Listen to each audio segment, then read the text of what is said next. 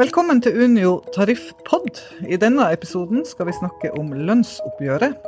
Med meg har jeg Unio sin forhandlingssjef, Clemet Rønning Aaby. Velkommen. Takk.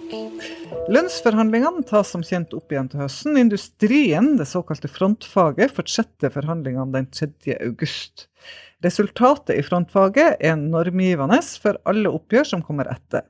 Deriblant for Unio sine medlemmer som har høyere utdannelse. Og 90% av Unios medlemmer jobber i offentlig sektor.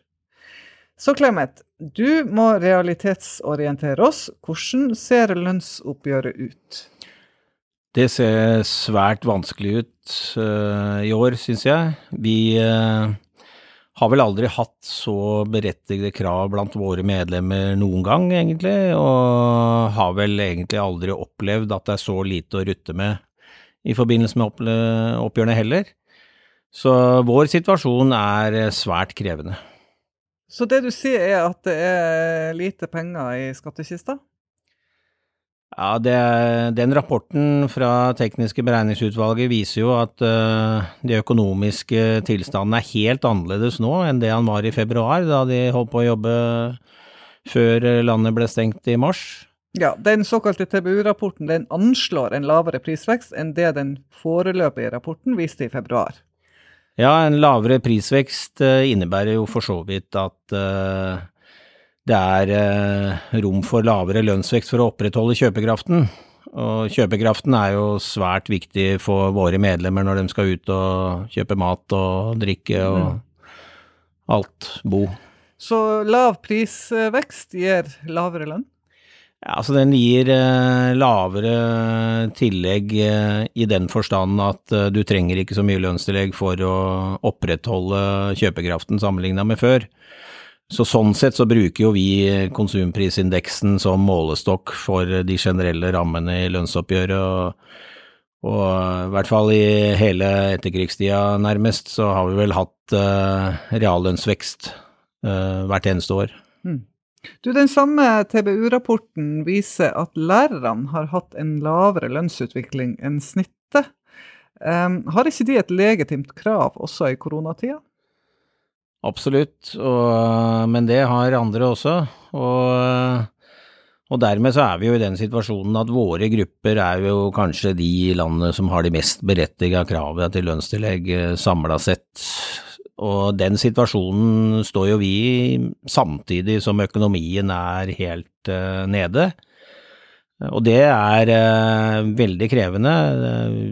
Vi uh, erkjenner at vi har en sånn krevende forventningssituasjon, men, men der er eh, de økonomiske tidene veldig dårlige, og det er stor usikkerhet om hva som kommer.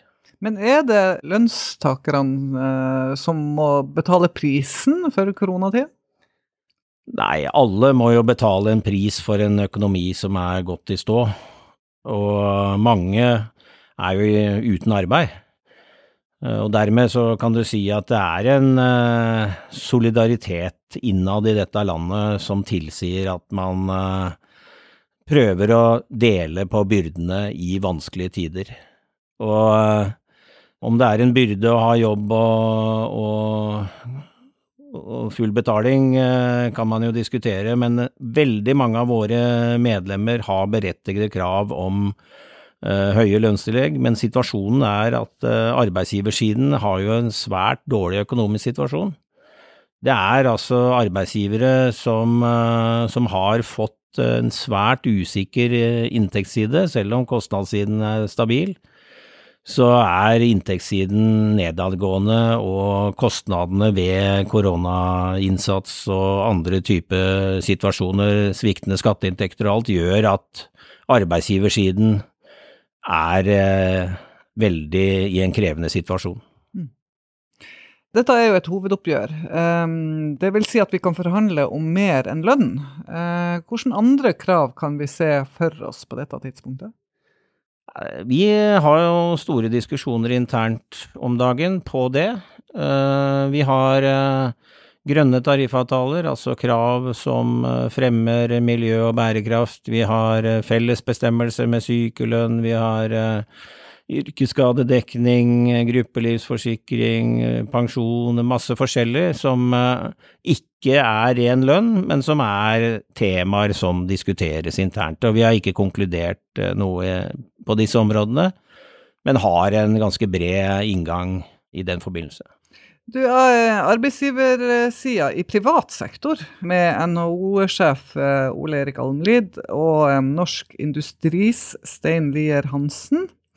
I spissen er stadig ute og sier at offentlig sektor må, må effektivisere, og de skaper et inntrykk av at offentlige ansatte har trygge jobber og derfor ikke har noe de skulle ha sagt, eller ikke noe de har å kreve. Har de et poeng?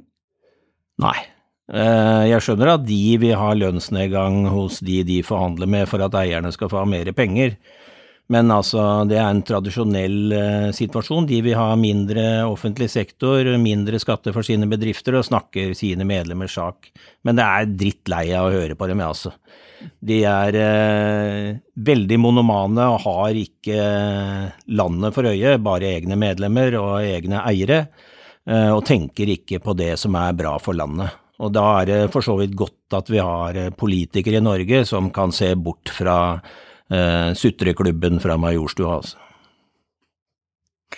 Du eh, Clemet, eh, hvis vi skal oppsummere, så må vi si som han eh, fiskeren på Senja, han Paul, at når realitetene skal på bordet, og det skal de jo, så finnes det ikke fisk i havet. Altså, det finnes ikke penger. Eh, I år, sånn som det ser ut nå, er det noe som kan endre seg fram til høsten? Ja, altså Situasjonen nå er jo den at det ser lovende ut med tanke på at ting normaliserer seg. Men vi skal faktisk være obs på at ting kan også forverre seg når det gjelder denne pandemihistorien som vi står midt oppi. Så her må vi på en måte holde all options open og se an hvordan dette utvikler seg utover august og september. Eh, sånn at eh, her er ikke noe fasit gitt, det er ikke noe svar, det er en usikker situasjon. Vi vet hva vi har, og vi vet ikke helt hva vi får, men, eh, men vi jobber og må ivareta interessene til de vi representerer, som vel kanskje ikke har fortjent mer eh, noen gang enn de har gjort akkurat denne gangen. Og det er vårt dilemma, og det må vi bare stå i. Du, Da sier jeg takk til deg, Clemet, og så høres vi igjen til høsten. Strålende. Du har hørt Unio podkast. Jeg heter Nora Sørensen. Har du forslag til tema, send meg gjerne en e-post. nsalfakrøll.unio.no.